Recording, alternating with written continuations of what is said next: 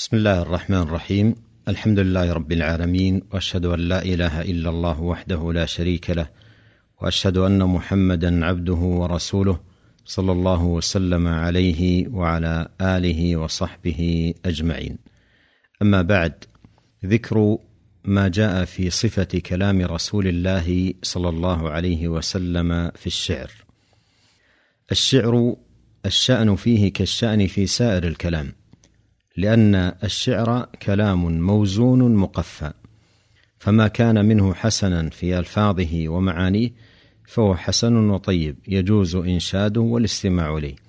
وما كان منه بخلاف ذلك فهو سيء لا يجوز إنشاده ولا الاستماع إليه.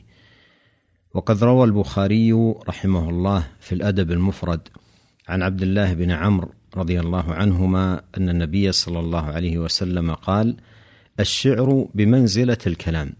حسنه كحسن الكلام وقبيحه كقبيح الكلام. وقد روى ابن ماجة وغيره عن أبي بن كعب رضي الله عنه أن رسول الله صلى الله عليه وسلم قال إن من الشعر لحكمة. أي إن بعض الشعر حكمة وبعضه ليس كذلك. فالشعر أنواع بحسب توجه الشاعر. فمنه ما هو قائم على الحق والهدى ومنه ما هو قائم على الضلال ومنه ما هو قائم على البدعة والخرافة ومنه ما هو قائم على الفسوق. عن عائشة رضي الله عنها قالت قيل لها هل كان النبي صلى الله عليه وسلم يتمثل بشيء من الشعر؟ قالت كان يتمثل بشعر ابن رواحة. ويتمثل بقوله ويأتيك بالأخبار من لم تزودي أخرجه الترمذي. هل كان النبي صلى الله عليه وسلم يتمثل بشيء من الشعر؟ أي هل كان ينشد شيئا من الشعر؟ يقال تمثل بهذا البيت وتمثل هذا البيت بمعنى. قالت كان يتمثل بشعر ابن رواحة أي عبد الله بن رواحة الصحابي الجليل الأنصاري الخزرجي رضي الله عنه. وكان من شعراء أصحاب النبي صلى الله عليه وسلم. وقد جاء عن ابن سيرين رحمه الله أنه قال كان شعراء أصحاب رسول الله صلى الله عليه وسلم حسان بن ثابت وعبد الله بن رواحة وكعب بن مالك. قولها ويتمثل بقوله ويأتيك بالأخبار من لم تزودي يعود الضمير إلى عبد الله بن رواحة مع أن البيت لطرفة ابن العبد ففي المسند عن عائشة رضي الله عنها قالت كان رسول الله صلى الله عليه وسلم إذا استراث الخبر أي إذا استبطأ انتظار الخبر تمثل فيه ببيت طرفه ويأتيك بالأخبار من لم تزودي وهو أيضا في معلقة طرفه ابن العبد بلفظ ستبدي لك الأيام ما كنت جاهلا ويأتيك بالأخبار من لم تزودي أي يأتيك بالأنباء التي تريدها من لم تكلفه بالإتيان بها ولم تعطه عليها زادا. ولفظه في جامع الترمذي قالت كان يتمثل بالشعر ابن رواحة ويتمثل ويقول ويأتيك بالأخبار من لم تزودي وليس صريحا في نسبة البيت لابن رواحة رضي الله عنه وهو الأوفق. وعلى فرض ثبوت اللفظ الأول فيحتمل أن عبد الله بن رواحة ضمنه بعض شعره. وعن أبي هريرة رضي الله عنه قال قال رسول الله صلى الله عليه وسلم إن أصدق كلمة قالها الشاعر كلمة لبيد ألا كل شيء ما خلا الله باطل. وكاد أمية ابن أبي الصلت أن يسلم. قوله ألا كل شيء ما خلا الله باطل أي كل نعيم في الدنيا لا محالة زائل. شهد النبي صلى الله عليه وسلم لهذه الكلمة بأنها أصدق كلمة قالها الشاعر لأنها توافق الاعتقاد الحق والشعر يتفاوت في الصدق ففيه ما هو صدق وما هو أصدق وفيه أيضا ما هو كذب بل هو الغالب. حتى قيل أعذب الشعر أكذبه. والله تعالى يقول والشعراء يتبعهم الغاوون. ألم تر أنهم في كل واد يهيمون؟ وأنهم يقولون ما لا يفعلون إلا الذين آمنوا وعملوا الصالحات وذكروا الله كثيرا وانتصروا من بعد ما ظلموا وسيعلم الذين ظلموا أي منقلب ينقلبون. قوله وكاد أمية ابن أبي الصلت ان يسلم كاد من أفعال المقاربة أي قارب أمية أن يسلم ولكنه لم يسلم وكان يتعبد في الجاهلية ويؤمن بالبعث وأدرك الإسلام ولكنه لم يسلم. وعن جندب بن سفيان البجلي رضي الله عنه قال أصاب حجر أصبع رسول الله صلى الله عليه وسلم فدميت. فقال هل أنت إلا أصبع دميت وفي سبيل الله ما لقيت؟ أخرجه البخاري ومسلم.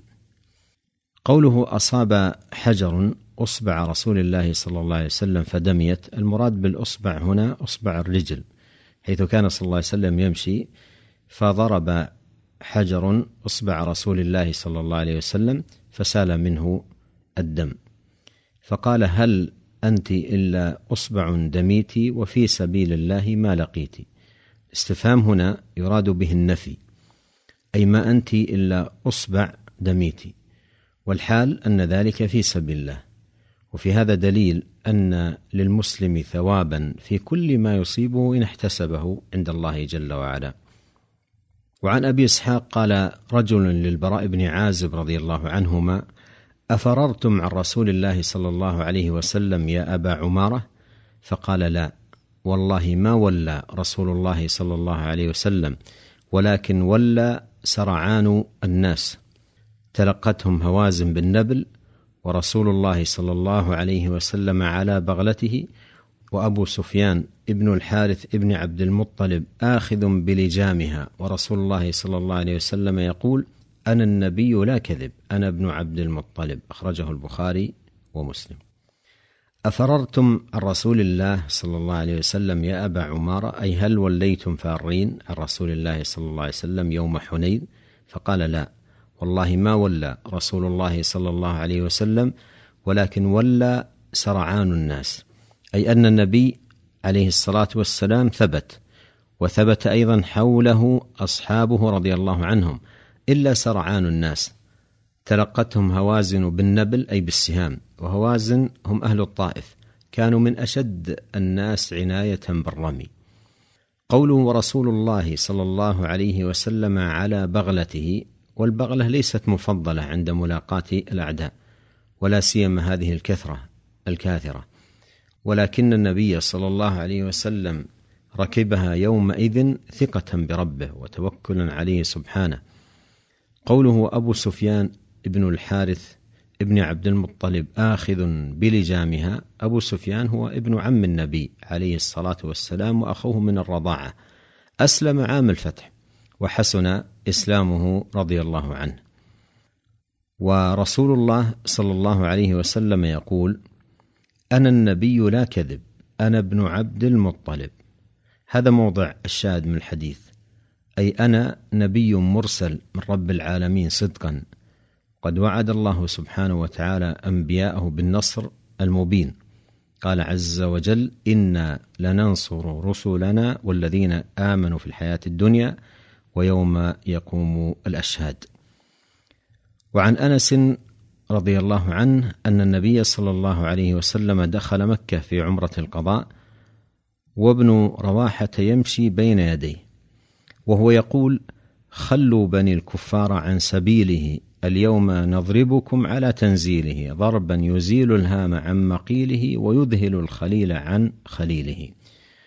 فقال له عمر يا ابن رواحة بين يدي رسول الله صلى الله عليه وسلم وفي حرم الله تقول الشعر فقال النبي صلى الله عليه وسلم خل عنه يا عمر فلا هي أسرع فيهم من نضح النبل أخرجه الترمذي.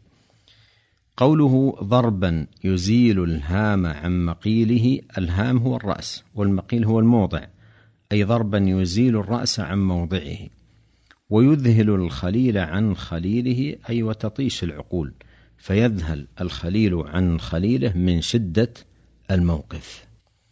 قول النبي صلى الله عليه وسلم خل عنه يا عمر فلهي أسرع فيهم من نضح النبل أي دعه يمضي في شعره. فإن له تاثيرا في إخافة العدو وإرعابهم وفي تقوية لأهل الإيمان لصد المشركين والدفاع عن دين الله. وعن جابر بن سمرة رضي الله عنه قال جالست النبي صلى الله عليه وسلم أكثر من مائه مرة. وكان أصحابه يتناشدون الشعر ويتذاكرون أشياء من أمر الجاهلية وهو ساكت وربما تبسم معهم أخرجه الترمذي. قوله جالست النبي صلى الله عليه وسلم أكثر من مائه مرة. مراده رضي الله عنه بذكر هذه المرات الكثيرة من مجالسته لرسول الله صلى الله عليه وسلم أن يثبت للسامع الأمر الذي سيذكره. فقوله وكان أصحابه يتناشدون الشعر ويتذاكرون أشياء من أمر الجاهلية بين يديه صلى الله عليه وسلم فيذكر بعضهم لبعض شيئا من الشعر الذي يحفظه والنبي عليه الصلاة والسلام ساكت وربما تبسم معهم. وسكوته عليه الصلاة والسلام يفيد الإقرار لأنه صلى الله عليه وسلم لا يسكت على باطل. وعن عمرو بن الشريد عن أبيه رضي الله عنه قال كنت ردف النبي صلى الله عليه وسلم فأنشدته مئة قافية من قول أمية بن أبي الصلت الثقفي. كلما أنشدته بيتا قال لي النبي صلى الله عليه وسلم هي حتى أنشدته مئة يعني مئة بيت. فقال النبي صلى الله عليه وسلم إن كاد ليسلم. أخرجه مسلم. أمية ابن أبي الصلت شاعر جاهلي وكان في شعره ما هو تمجيد لله وثناء عليه سبحانه وذكر للبعث ونحو ذلك. يقول كلما أنشدته بيتا قال لي النبي صلى الله عليه وسلم هيه أي زد حتى أنشدته مئة يعني مئة بيت وعدد ليس بالقليل فقال النبي عليه الصلاة والسلام إن كاد ليسلم قد بلغته دعوة النبي عليه الصلاة والسلام وكاد أن يسلم لكنه مات على الكفر ولله عز وجل الأمر من قبل ومن بعد.